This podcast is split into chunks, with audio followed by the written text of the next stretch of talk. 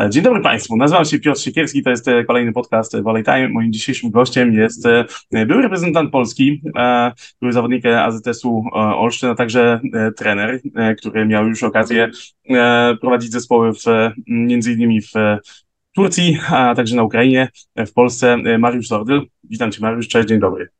Cześć, witam Państwa bardzo serdecznie. Dzień dobry. E, pierwsze pytanie takie rozruchowe jest od Kuby Bednaruka, e, którego skądinąd na pewno znasz. E, I no, temat, tematem, który Kuba poruszył jest oczywiście golf, bo u niego jest albo siatkówka, albo golf i tym, tym razem jest właśnie pytanie o golf. Skąd u ciebie te wielkie nerwy, jeżeli chodzi o granie w golfa? A, po pierwsze, e, jakby ja w golfa nie gram, tylko e, ja mówię o tym, że chodzę na golfa, e, ponieważ aby grać w golfa, no to trzeba mieć dużo odwagi i umiejętności, żeby powiedzieć, że w golfa się gra. Natomiast ja chodzę i sprawia mi to ogromną frajdę, dużo przyjemności i poznaję ten sport, uczę się tego sportu. E, I e, nie zawsze, nie zawsze się denerwuję, czasami takie sytuacje się zdarzają, e, ale no jak to sport, no każdy sobie stawia cele. Tu akurat jest tak, że, że rywalizujemy sami, z, sami ze sobą i chciałoby się, żeby co tydzień, co miesiąc było troszkę lepiej, a w golfie jest tak, że nawet po kilku miesiącach, latach wraca się do początku i, i to denerwuje chyba każdego, kto e, ma, czuje jakiś element rywalizacji, chociaż ja akurat w tym momencie kompletnie nie idę w kierunku rywalizacji, tylko e, sprawienia sobie przyjemności w tym pięknym lecie, które w tym roku nas dopadło i jeszcze jest.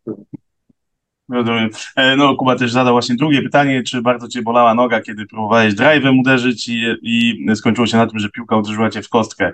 On tak chyba po, po, strasznie szyderczo podchodzi do tego tematu, do tej waszej rywalizacji widzę.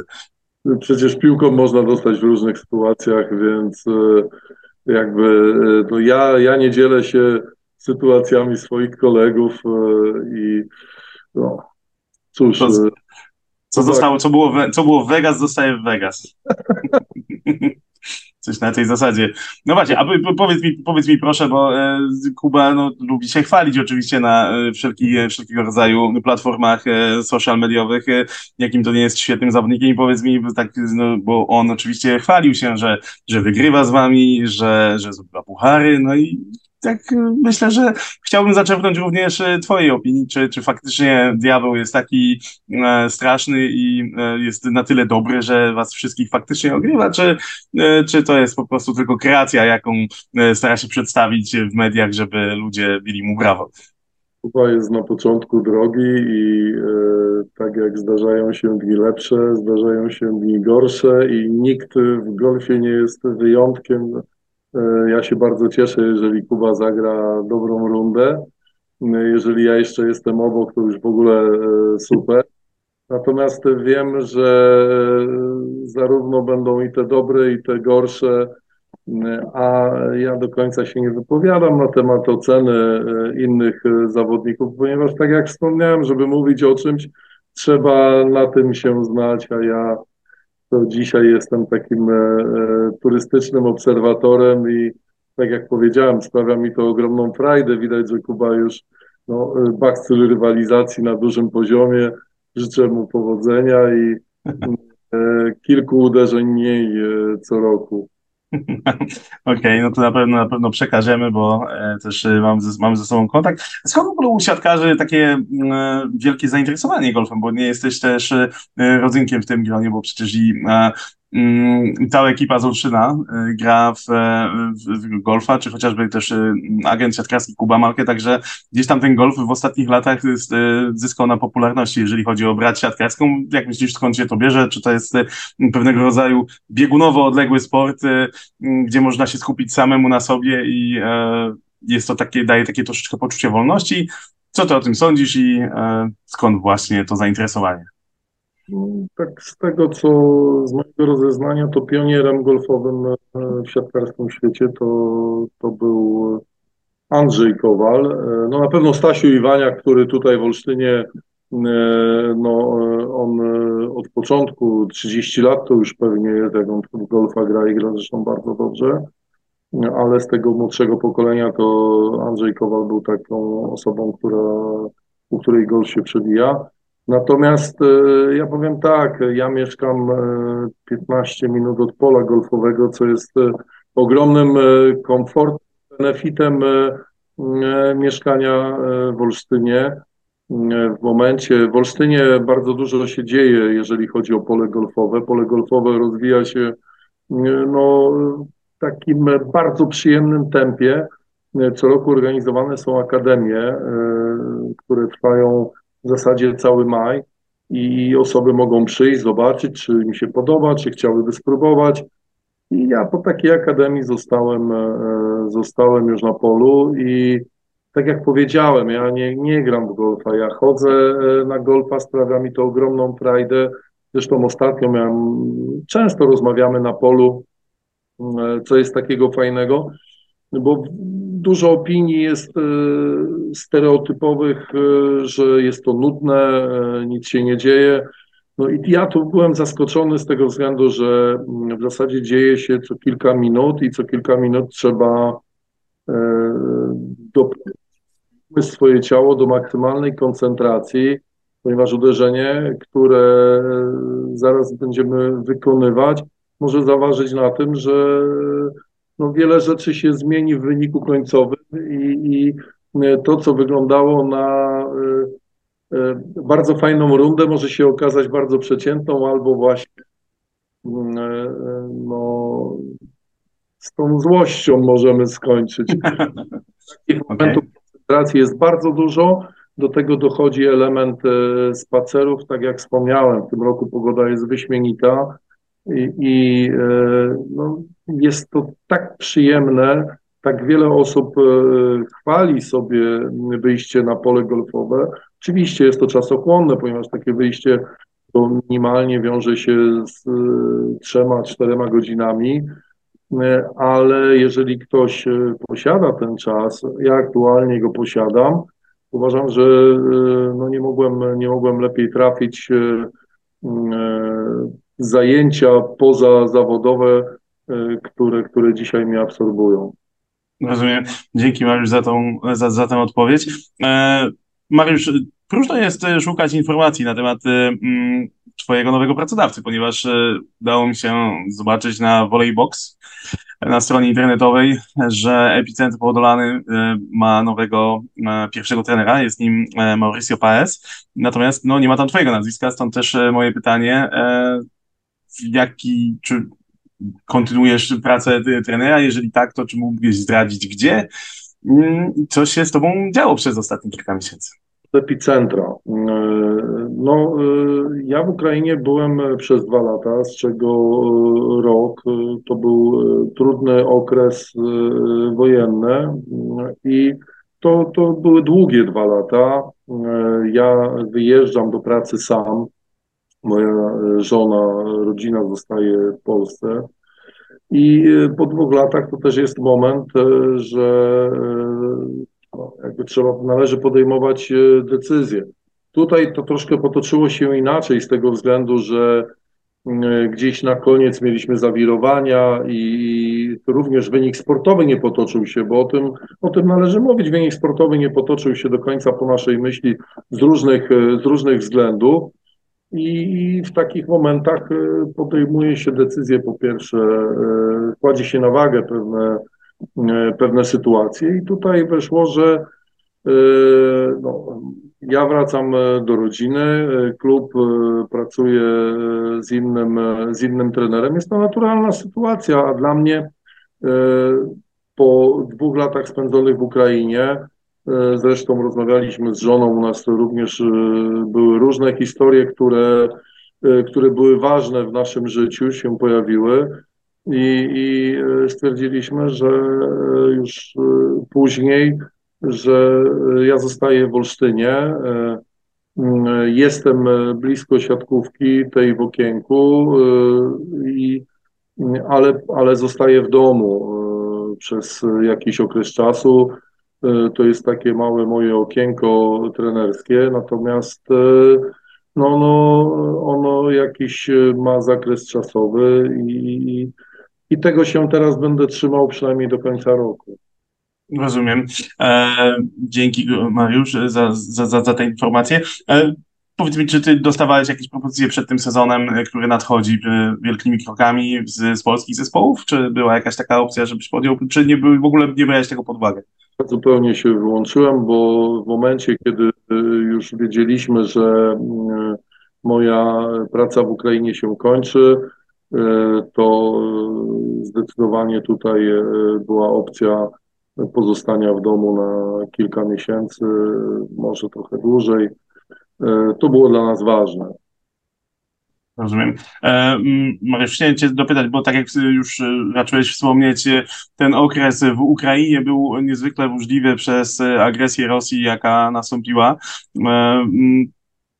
Co Twoim zdaniem było najtrudniejsze w tym wszystkim przez te, przez, przez te dwa lata? Bo podejrzewam, że mm, sporo widziałeś, rozgrywane mecze były w, pod granicą z Rumunią, jeżeli się e, nie mylę.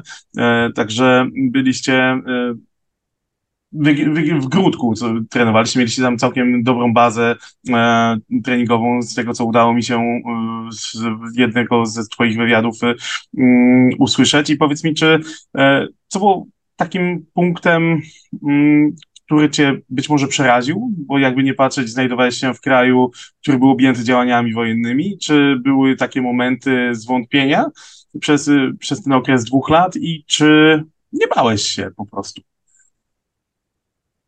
Kwestia bezpieczeństwa, no nie bałem się, no bo gdybym się bał, pewnie bym tam e, nie czasu. Nie bałem się, oczywiście e, jakiś niepokój e, zawsze gdzieś tam głęboko pewnie był.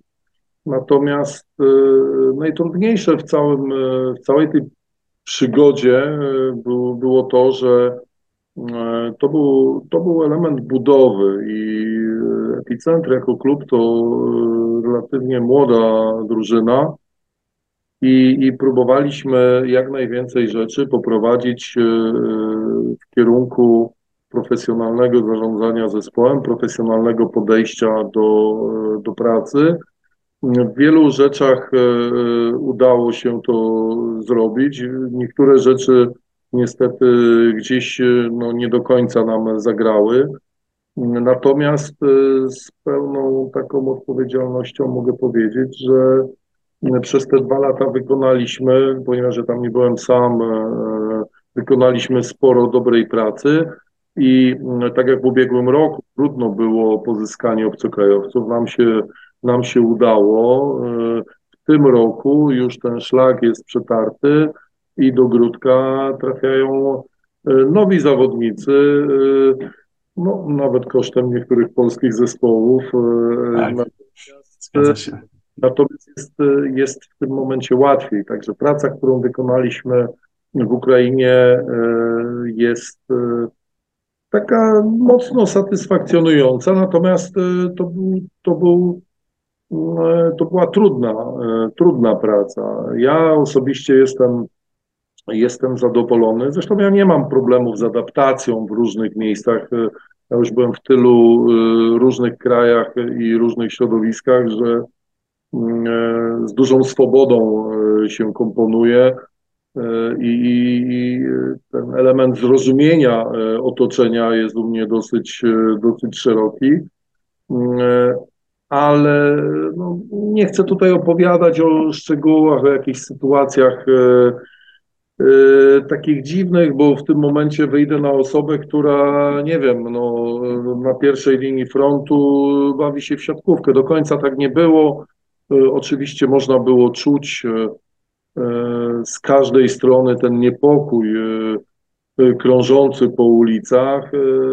No przecież tam, e, pomimo tego, że nic się nie dzieje, no to codziennie są alarmy, e, które w tych miejscach e, mniej tutaj zachodnich, no to już były momenty, że nie do końca się na nie reagowało, po prostu one są, one są codziennie.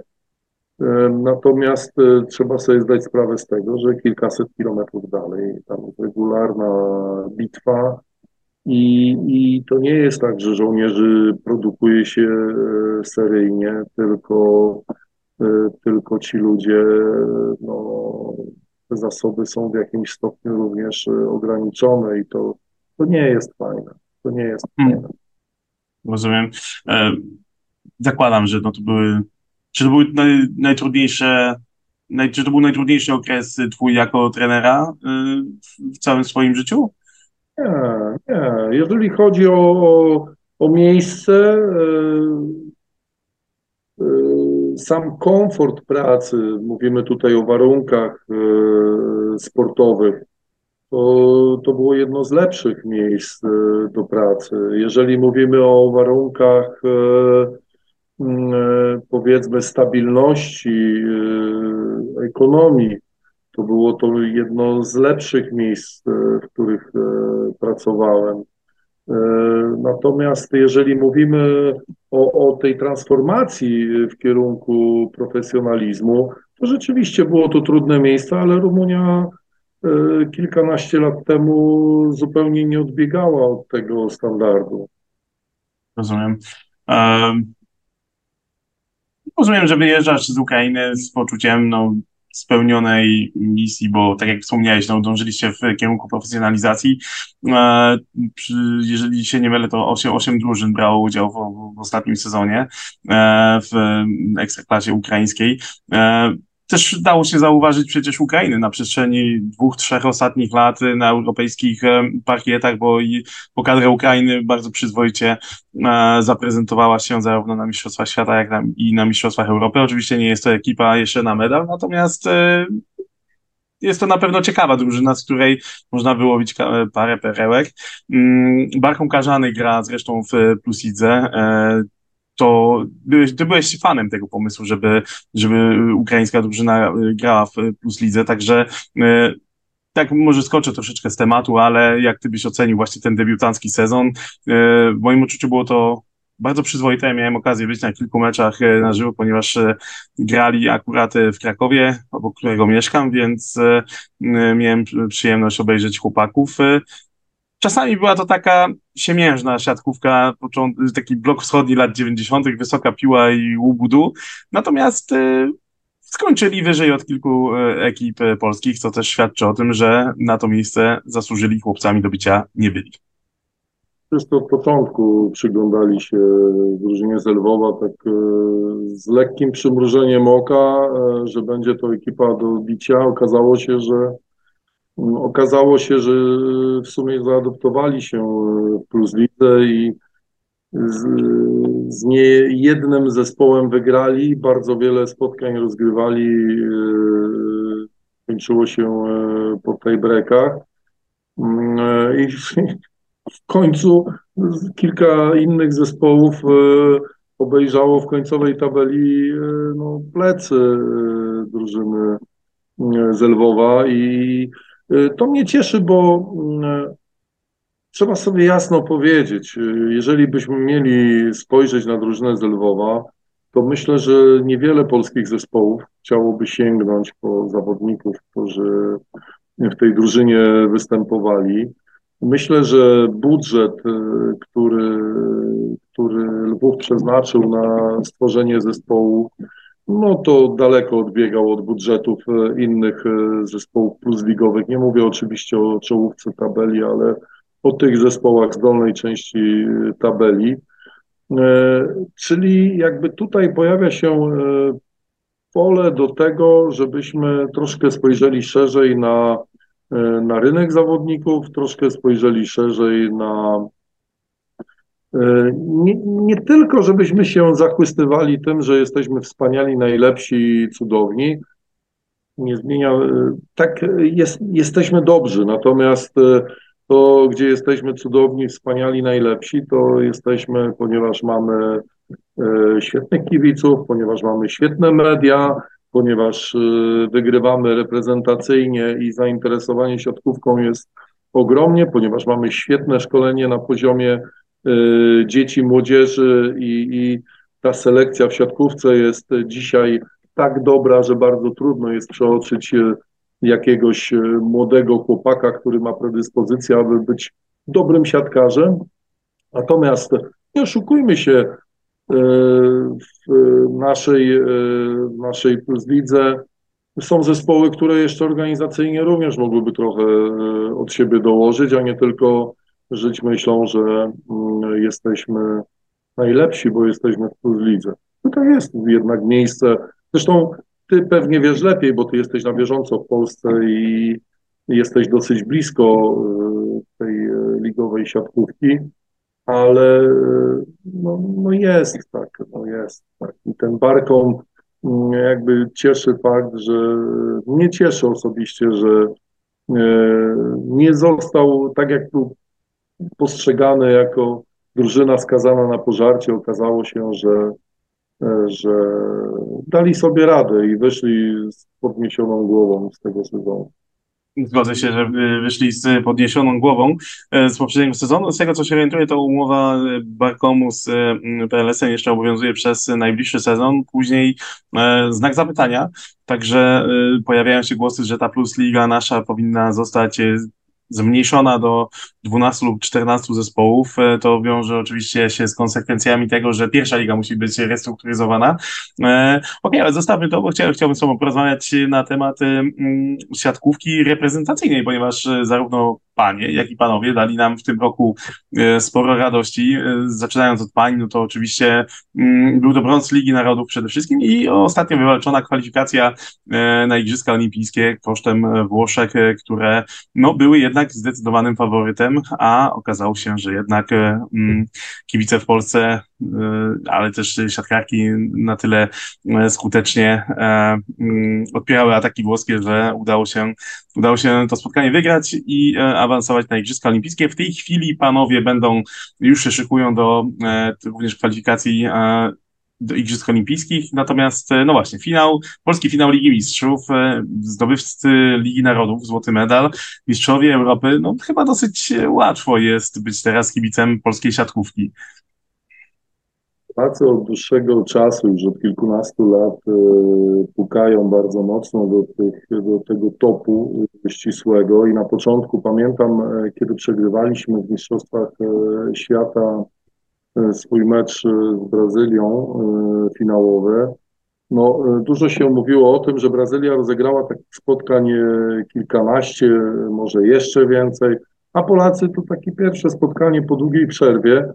Dzisiaj my mamy ten komfort, że rozgrywamy głównie rozgrywamy mecze finałowe, to my jesteśmy gdzieś kandydatem zawsze do, do zwycięstwa, do medalu i, i dzisiaj jesteśmy w ogromnie komfortowej sytuacji. Mm, to, o czym wspomniałem, e, ta selekcja e, dzieci, młodzieży e, w Polsce jest tak dobra, że przy pracy, którą wykonują trenerzy na tym poziomie, do reprezentacji trafia bardzo dużo chłopaków, którzy nawet ci, których nie ma, mogliby stworzyć kolejną reprezentację, która również nie byłaby mm, zespołem, e, e, nie wiem, drugiej dziesiątki na takich mistrzostwach, e, tylko, tylko byłaby wyżej. Dzisiaj mamy ten komfort, że mamy mocny zespół, mamy szeroki zespół, mamy duży potencjał w zawodnikach i świetnie go wykorzystujemy, a co najważniejsze, mamy doświadczenie, bo to już nie pierwszy medal, który zdobyliśmy, jeden z kilkunastu, a do tego dochodzą sukcesy klubowe, bo do tej pory mówiło się o tym, że jednak e, ta siatkówka włoska jest na wyższym poziomie. No, okazuje się, że, e, że no, to w ogóle jest nie do ogarnięcia, nie do ogarnięcia, co zrobiła Zaksa. W tym roku dołączyło Jastrzębie, więc e, siatkówka w Polsce to no jednak zaczynamy, zaczynamy trochę trochę odjeżdżać. E, dzielnie, dzielnie tutaj e, e, próbują się przeciwstawić Włosi w Europie, natomiast ja odnoszę wrażenie, że nasz potencjał, szerokość personalnych wyborów jest tak duża, że no, jednak troszkę odjeżdżamy w tym peletonie. Mhm. Ale to miało być jedno z moich pytań w następnej, jedno z kolejnych pytań, właśnie czy Polska i, podałem przykład Włochów, że Polska i Włochy jednak odjeżdżają mm, wreszcie stawki, że jednak ten poziom jest, e, no, staje się dużo wyższy i to przede wszystkim nie chodzi o jedną szóstkę, czy powiedzmy pierwszą reprezentację, ale też o całe zaplecze, jakie e, się z tym no, oczywiście e, wiąże, infrastruktura, a także, mm, a także no, przede wszystkim siła ligowa. No, po oczywiście zbanowaniu Rosji, no to odpadła jedna z najsilniejszych lig, ale oczywiście to jest coś absolutnie normalnego i nie ma tutaj tutaj nie ma, nie ma pytań, nie, nie, nikt nie powinien mieć jakichkolwiek wątpliwości co do tego. Natomiast y, tak, y, Oskar Kaczmarczyk niekoniecznie chce się z tym zgodzić, że, że, że, od, że odbiegamy od, od reszty, natomiast ja mam takie właśnie wrażenie, że e, wyśrubowaliśmy już tak wysoki poziom, że mm, nawet kibice komentując mecze na Twitterze E, mecze Mistrzostw Europy, byli wręcz zażenowani bądź też zawiedzeni tym, jak niski poziom ma, ma reszta reprezentacji. Przyszło im oglądać Belgię, Turcję czy inne zespoły, które przecież też w siatkówkę grać potrafią. Ja wychodzę z założenia, że jednak to jest troszeczkę, no nie chciałbym powiedzieć nasza wina, ale tak to zabrzmi, ponieważ no, wyśrubowaliśmy, przyzwyczailiśmy się tak do, tak do tak wysokiego poziomu, że oglądając resztę reprezentacji, która gra całkiem solidną siatkówkę, wychodzi na to, że w porównaniu do naszej oni no, są powiedzmy pół, półprofesjonalistami. To troszeczkę jest e, z jednej strony niepokojące, z drugiej po raz kolejny daje nam się organizację Mistrzostw Świata w 2027 roku, co też e, może świadczyć o tym, że mm, to grono krajów zainteresowanych siatkówką no, nie jest aż tak duże, żeby ją gdzieś promować jeszcze bardziej na zewnątrz, bo przypomnijmy sobie przecież w 2014 roku już mieliśmy Mistrzostwa Świata, w 2022 to oczywiście kosztem Rosjan, natomiast e, teraz w 2027 kolejne Mistrzostwa Świata będą na polskiej ziemi. Powiedz mi, czy tej siatkówki troszeczkę nie ma za dużo, czy nie ma przesytu siatkówki w ostatnim czasie? No, gdzie dać tą siatkówkę? No, do kraju, w którym e, wszyscy siatkówkę kochają i w którym reprezentacja e, gra na e, bardzo wysokim poziomie. No, patrząc w historię, no to proponuję prześledzić, gdzie rozgrywały się Mistrzostwa Świata jeszcze 20 czy 30 lat temu. No, rozgrywały się w Japonii głównie. No i jakby tu nikt nie zadawał sobie pytań, wszyscy wiedzieli, Mistrzostwa Świata, jedziemy do Japonii. I to, to był standard. Dzisiaj, gdybyśmy grali, e, nie wiem, tak jak wspomniałeś, na poziomie Turcji, ale o tym pewnie porozmawiamy trochę później, bo tu też mam e, słowo odnośnie tej reprezentacji, no to, no to nikt by nie, nie pędził do tego, żeby te Mistrzostwa Świata organizować, a mimo wszystko taki produkt należy dobrze opakować, Należy dobrze go pokazać, należy ściągnąć ludzi do hal.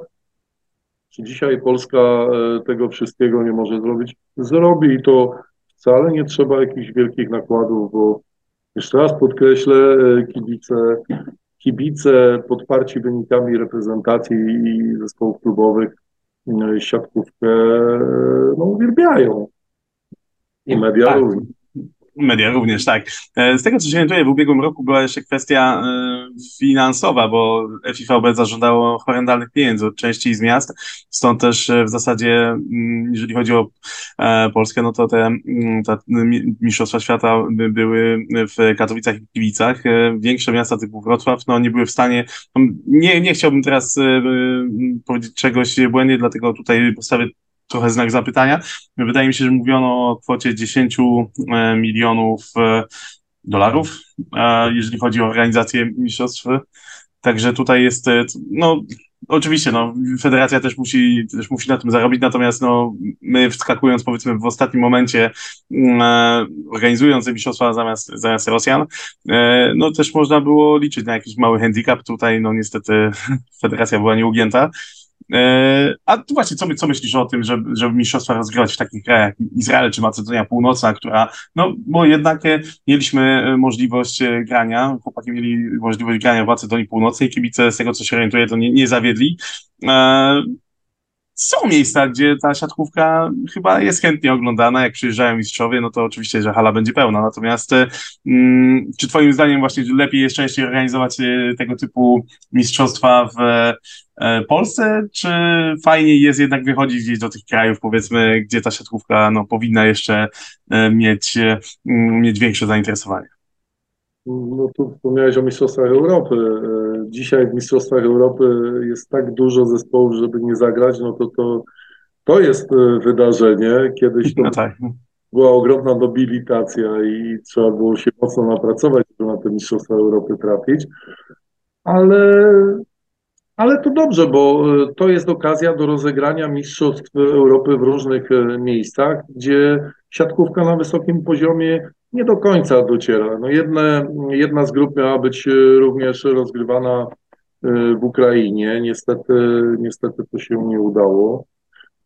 Ale tu ja tutaj nie mam żadnych zastrzeżeń do tego, że jest to rozgrywane w czterech krajach. E, fajnie, jeżeli są kibice i jest zainteresowanie taką imprezą, super. Gorzej jest, jeżeli w takich sytuacjach sale świeciłyby pustkami, bo to nie jest fajne ale to e, na poziomie Mistrzostw Europy możemy e, taką historię zrozumieć. Jeżeli chodzi o Mistrzostwa Świata, jest to za duże święto, żeby, mm, e, żeby tym sobie tak żonglować i, i myślę, że tutaj jednak wybierane są kraje, które gwarantują określony poziom imprezy mm, i dlatego, dlatego między innymi Polska, bo ten poziom gwarantujemy. Każdy. Mhm. Jasne. E, jeżeli chodzi o organizatorów, to jeszcze przypomnę, teraz mi przyszło do głowy Filipiny, gdzie był rozgrywany jeden z turniejów e, Ligi Narodów w, w tym roku. W ubiegłym roku podobno e, spotkała ich strasznie duża krytyka za to, że organizacyjnie nie dojechali. W tym roku chyba chcieli to spłacić z nawiązką, ponieważ nawet rozmawiając z Mateuszem Bieńkiem, który na Filipinach grał, powiedział, że to była jedna z najlepszych imprez sportowych, na których był, bo fani byli niesamowici, przynosili kupę gadżetów, e, śmiali się, uśmiechali, robili sobie zdjęcia i widać było, że dla nich to jest e, wyraźnie duże siatkarskie święto. E, a były też obawy, że, że Filipiny, jak to, gdzie tam męska siatówka na Filipinach, a okazuje się, że potrafili zorganizować turniej na, na bardzo wysokim poziomie i e, zarówno sportowym, jak a przede, przede wszystkim organizacyjnym. Zresztą wariactwo, jak spojrzymy, dzisiejszy tegoroczny turniej kwalifikacyjny do e, Ligi Narodów e, no, w finale e, zagrała Turcja z Katarem. No niewiele brakowało, a to Katar zagrałby w Lidze Narodów. Wow, no chciałbym to zobaczyć. No, byłoby to ciekawe, ciekawe przeżycie. Natomiast no, Turcja, umówmy się, gra na określonym poziomie więc ten zespół z Kataru musiał, musiał mimo wszystko postawić e, e, no, całkiem odpowiedni poziom, żeby walczyć e, tak, jak, jak to robili.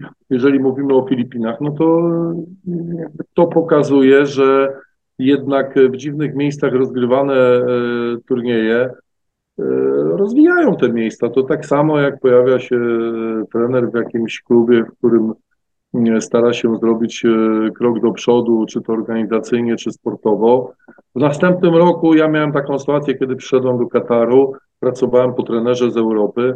Już ten zespół funkcjonował e, e, zupełnie inaczej od moich wyobrażeń. Już był przygotowany. To był krok do przodu.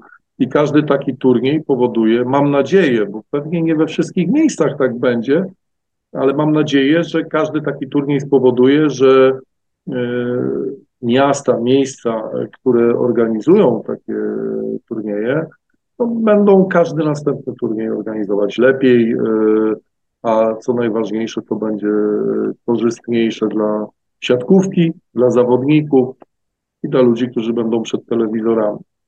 Hmm. że czy tobie, czy tu masz taki obrazek przed oczami z tego sezonu reprezentacyjnego, który szczególnie zapadł ci w pamięć?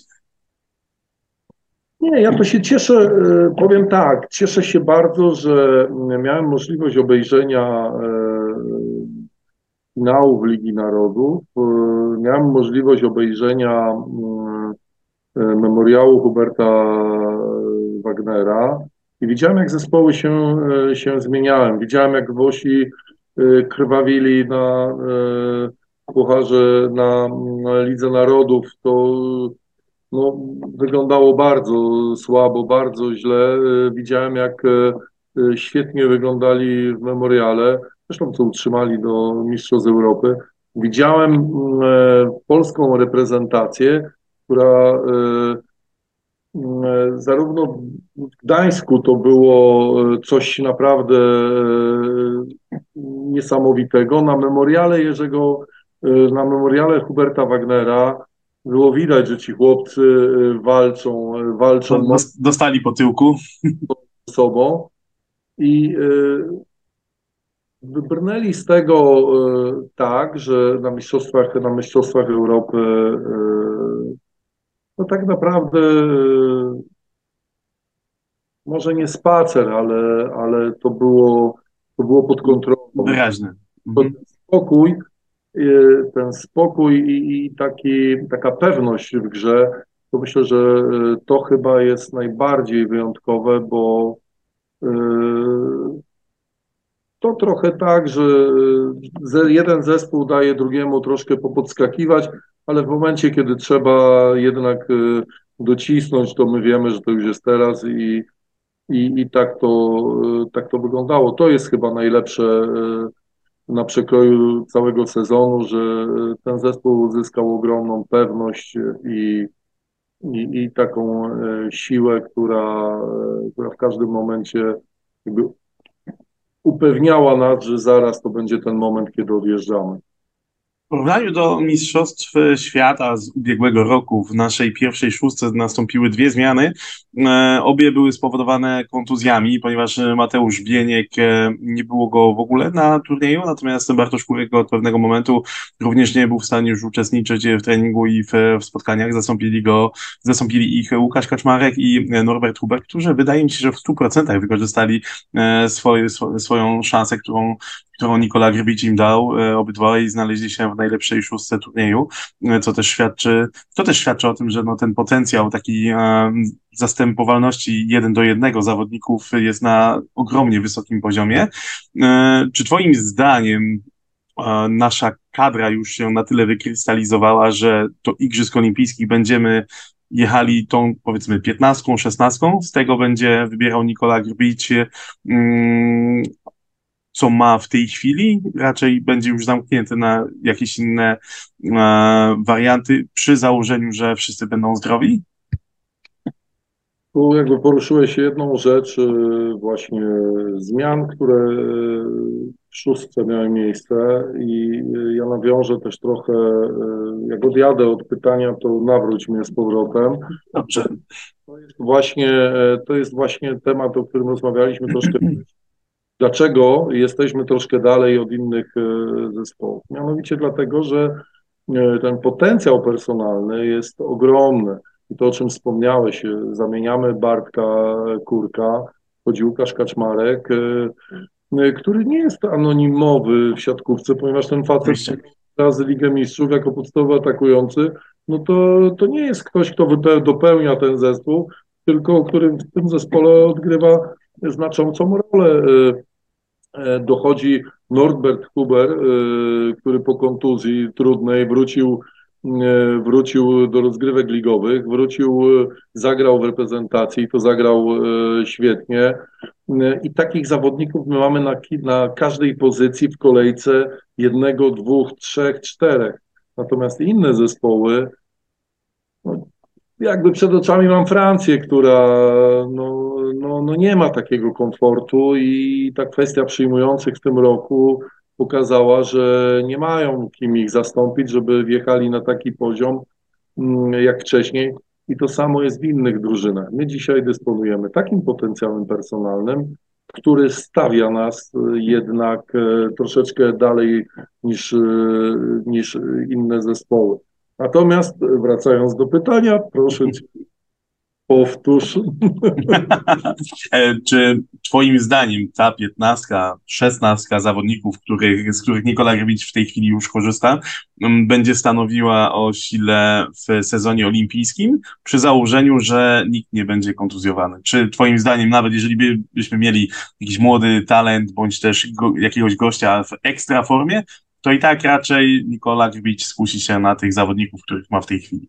Via y, Kamil Semeniuk, który przecież dochodził do formy bardzo długi czas, mimo wszystko znalazł się na najważniejsze turnieje e, i swoją cegiełkę oczywiście też dołożył. Ja uważam, że e, tak, to będzie, to będzie zdecydowanie trzon e, drużyny, która będzie się przygotowywać do, do igrzysk. To, o czym wspomniałeś, to jest rok czasu, to jest cały sezon e, i różne rzeczy e, mogą się przytrafić. Mówimy o kwestiach zdrowotnych. Oby e, cała, cała drużyna, w ogóle zresztą cała liga, która będzie grała w Polsce, uniknęła jakichkolwiek poważniejszych urazów. I tego oczywiście wszyscy sobie życzymy, natomiast różne rzeczy się zdarzają i potrzebne są osoby, które, które ewentualnie, tak jak teraz Bartek Bołądź, e, mm, który, który no, wyrwany z butów został z jakiegoś tam okresu przygotowawczego swojego, pojechał. Ja mam jakby wizję, że tu jest na pewno jedna, dwie osoby, które znacząco będą się włączać o walkę, o, o igrzyska, bo jest, jest gdzieś tam e, z tyłu Artur Szalpuk, e, który jestem przekonany mocno o tym, że on o te igrzyska będzie walczył, znaczy nie będzie walczył o igrzyska, on będzie walczył o to, aby jego zespół wygrał mm, to, co sobie zakładają przed sezonem i swoją grą, żeby im w tym pomóc, ale no, to, to jest zawodnik, którego jakby nie można pomijać, e, e, jeżeli mówimy o reprezentacji. Jest Bartek Kwolek e, i, i tu jest Fabian Drzyzga. Jest Karol Butryn jeszcze przecież, który też nie pojechał na Mistrzostwa Europy, prawda? Jest kilku zawodników, gdzie myślę, że trener Gbicz no, nie do końca zamyka przed nimi e, ten etap reprezentacji przed Igrzyskami Olimpijskimi i, i, i e, no, różne rzeczy się mogą jeszcze tutaj e, mhm. przytrafić. Natomiast cała ta grupa, którą widzieliśmy w dużej mierze na, na, na boisku, to, to nie oszukujmy się, to, to, to takie pewniaki. No. Raczej tak, raczej tak. Tym bardziej po takim sezonie, kiedy wygrywa się wszystko, no to no, cóż można zmieniać, prawda? No, w zasadzie e, nie ma miejsca nawet na te na trenowanie jakichś alternatyw, skoro wszystko zostało wygrane e, dookoła. E, także no tak, no oczywiście, no miejmy nadzieję, że, że wszyscy kadrowicze będą w, w 100% zdrowi i dyspozycyjni dla, dla e, mm, trenera Nikoli Grbicia. Mariusz, bo skończyły się właśnie Mistrzostwa Europy, Polacy zdobyli złoty medal, natomiast chciałem cię zapytać, czy była drużyna, która cię troszeczkę zaskoczyła in plus, in minus, po kim spodziewałeś się więcej? E, jak myślisz, jakie to były Mistrzostwa Europy dla Ciebie z perspektywy kibica? No, bardzo dużo spotkań, e, bardzo dużo spotkań. Na pewno e, zaczniemy może od tego, kto, kto tam e, coś fajnego zrobił. Polska zrobiła świetną robotę, co tu dużo mówić. No, jakby wszyscy gdybali, że e, mówili, że celem jest złoty medal. Taki był cel, ale trzeba było go zrealizować.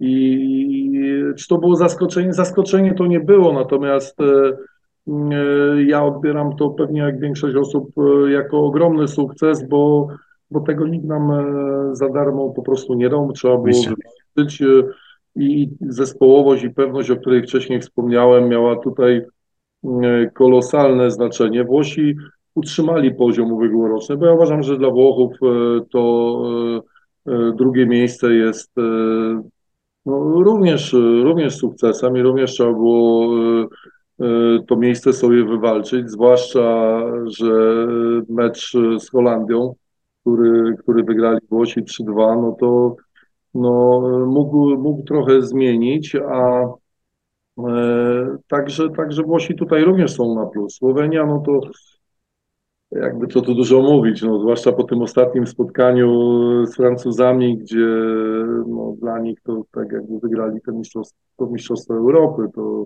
to również jakby ich oceniamy na plus i idziemy do Francji, która e, ja wspomniałem o tym, no, nie udało im się znaleźć zastępstwa za Ngapeta, e, za Kevina Tilly, który wcześniej grał bardzo dużo w Lidze Narodów, e, na Mistrzostwach Europy w zasadzie się nie pojawiał e, na, na parkiecie i, i ci zmiennicy no, nie do końca udźwignęli. Kleveno również nie grał, także tu, tu trochę Francja się posypała i to czwarte miejsce dowiozła trochę takim rozpędem, natomiast no, oczywiście jest to zespół groźny i w następnym roku być może poskładają wszystko tak, żeby funkcjonowało jak wcześniej, ale na pewno e, te mistrzostwa to dla nich rozczarowanie.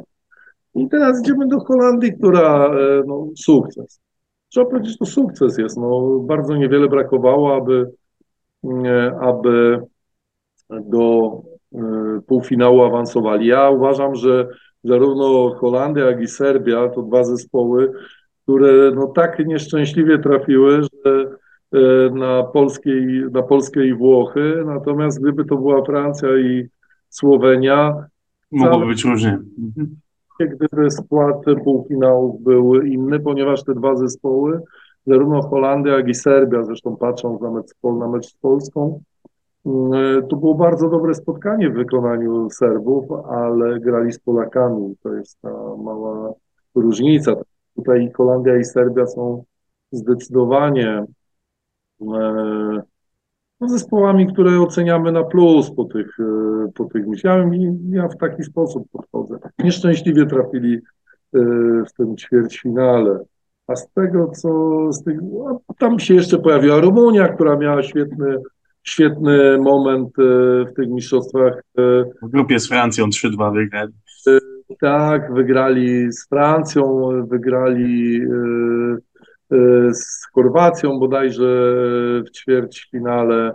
No dla nich to ogromny sukces, czyli e, jakby to, to, jest, to jest super. Ja stawiałem trochę bardziej na Turcję, ale po tym awansie do Ligi Narodów chyba tak trochę powietrze z nich zeszło, chociaż no, Pamiętamy wszyscy mecz ze Słowenią Turcji. To był jedyny mecz, który chyba Turcy zagrali na, na takim porządnym poziomie i, i tak naprawdę to oni, to oni ten mecz y, przegrali, a nie Słowenia wygrała, bo mieli wszystko podane na talerzu. Ale w ogólnym rozrachunku ten turniej do końca im, im nie wyszedł. No, tu można też powiedzieć o Bułgarii, która opuśćmy zasłonę milczenia i, i, e, jakby wierzę, że przynajmniej no, nie będą próbowali odrodzić się z Polską na kwalifikacjach olimpijskich. Nie sądzę, ale dla nich to, to nie był udany turniej. Pozostałe zespoły to super, że zagrały w Mistrzostwach Europy, liczy się udział e, i, i robimy krok do przodu. Mm, I tyle. Mm.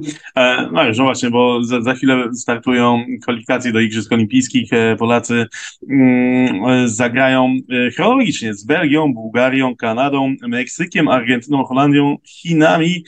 Awans zdaje się być formalnością. I teraz pytanie do Ciebie, czy my tak naprawdę mamy się czego obawiać, co może być naszym największym wrogiem? Czy to nie będziemy my sami przypadkiem i nasza zbyt wygórowana pewność siebie? Yy, nie.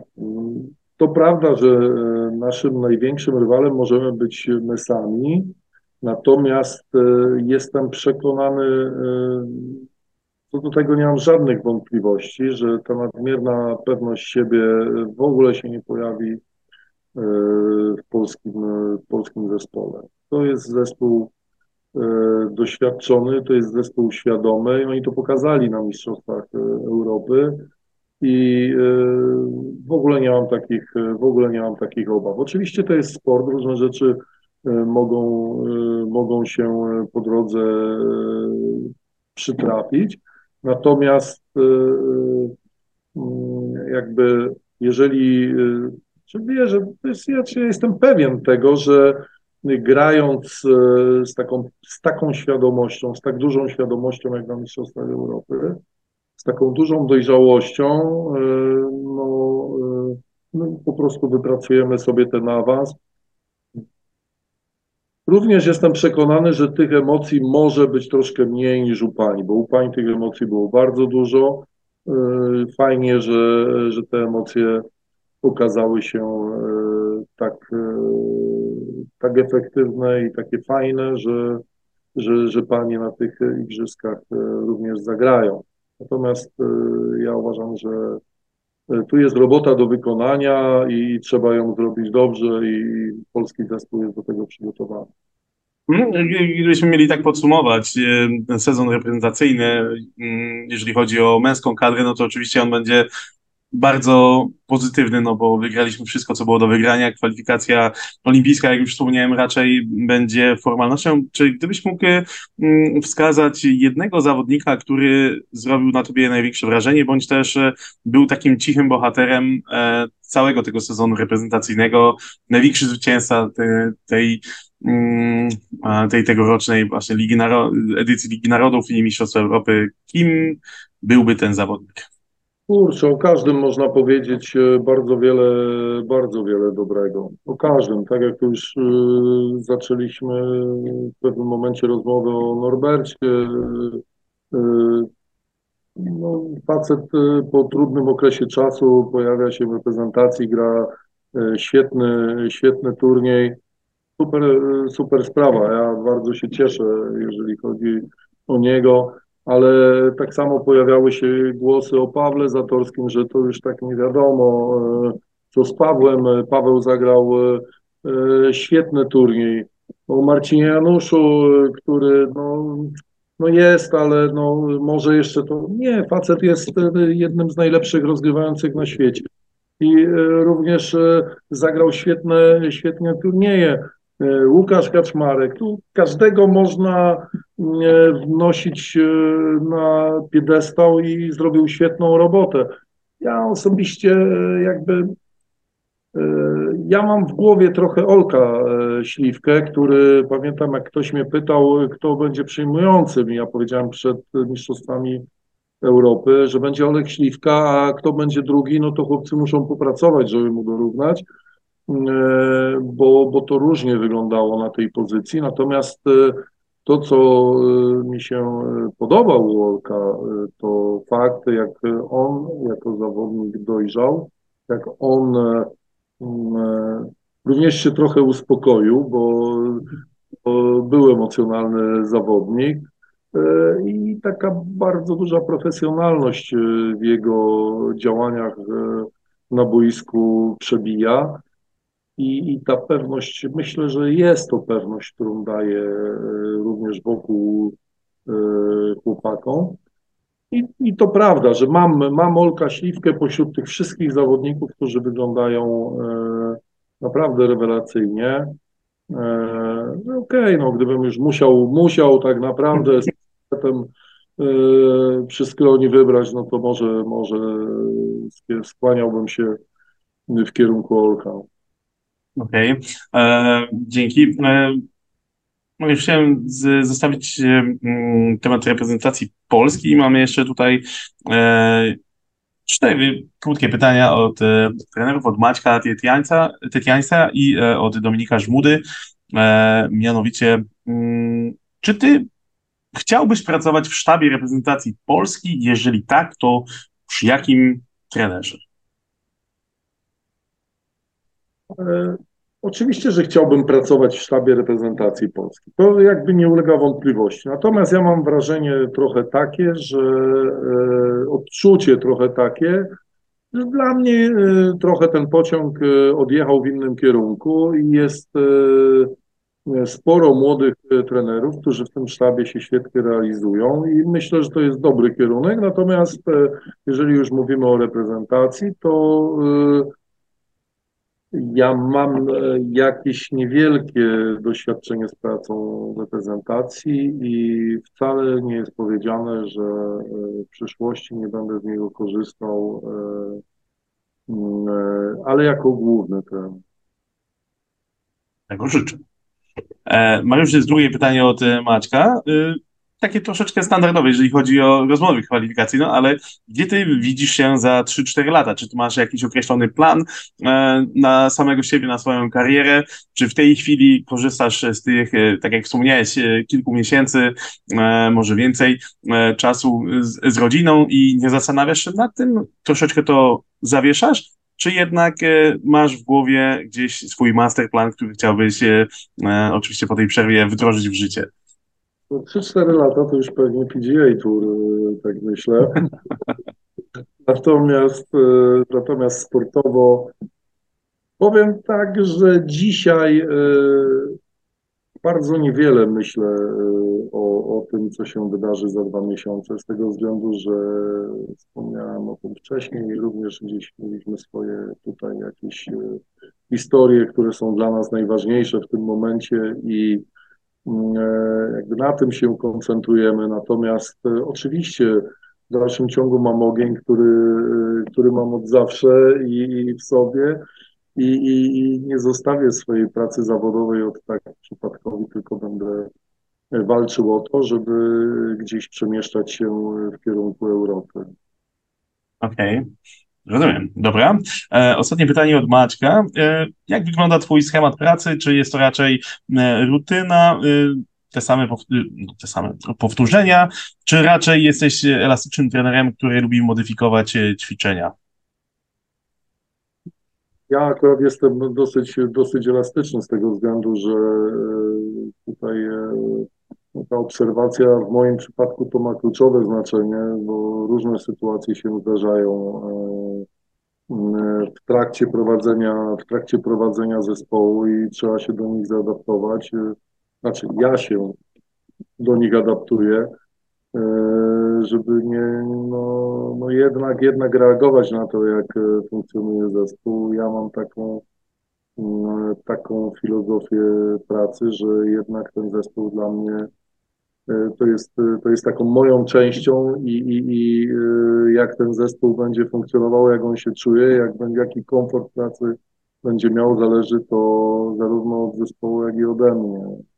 Ja mimo wszystko biorę, biorę do siebie to, jak zespół w danym momencie wygląda, czuje się i funkcjonuje.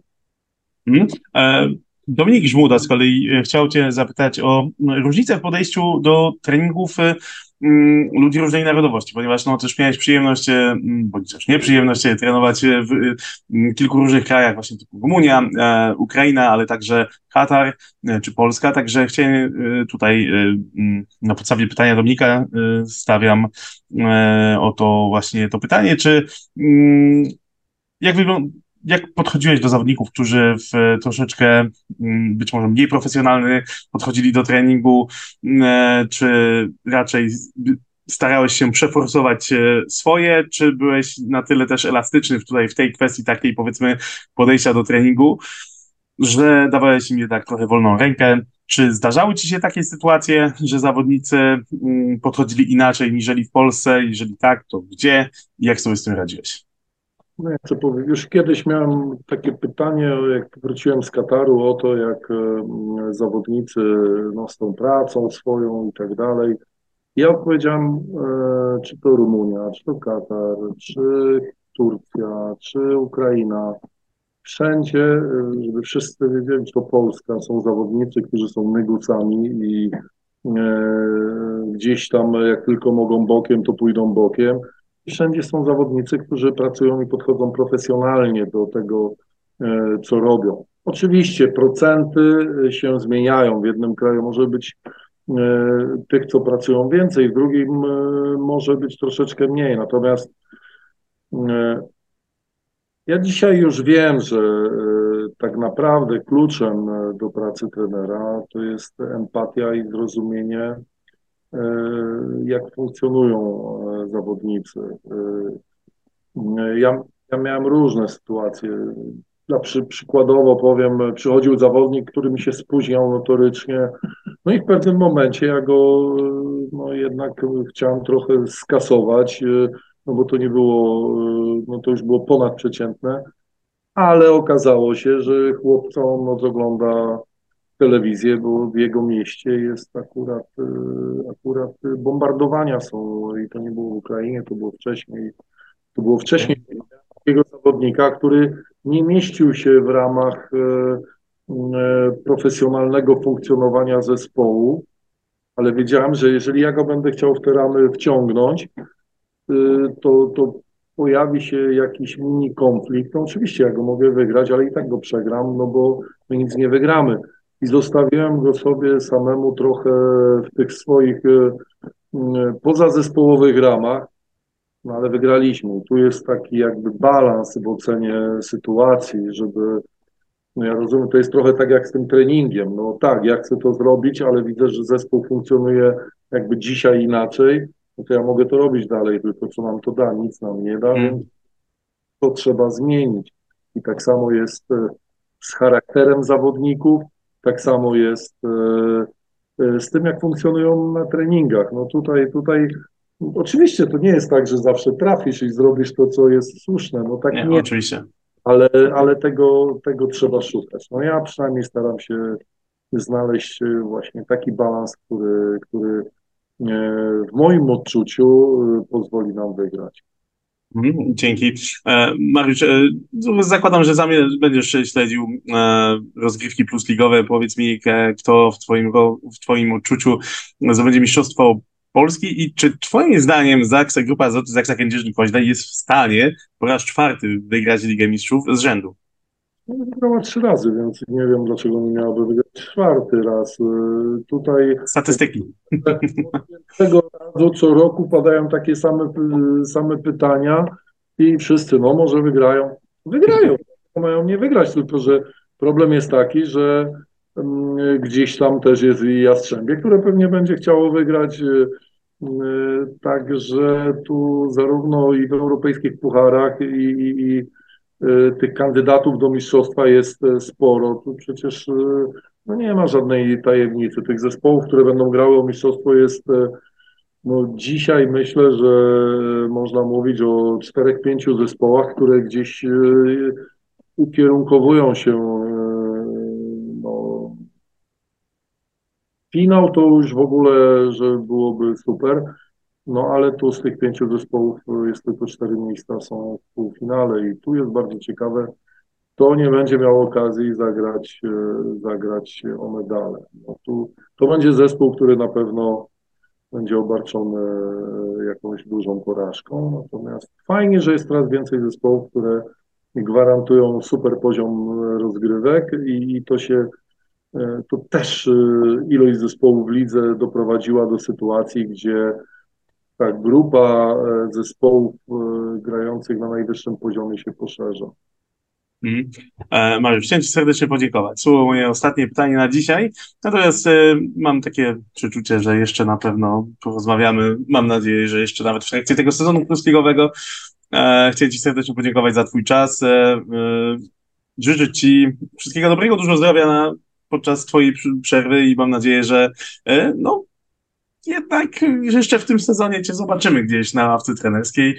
Tego życzę, chyba że ty sobie tego nie życzysz, to nie, ale, ale e, na pewno e, odpocznij, nabierz mm, nowych sił i mam nadzieję, że się spotkamy w końcu. Dziękuję ci uprzejmie. No, także serdecznie, serdecznie pozdrawiam wszystkich fanów siatkówki. Wszystkiego dobrego. Kłaniam się. Moim dzisiejszym gościem był e, Mariusz Sordyl. Do widzenia Państwu.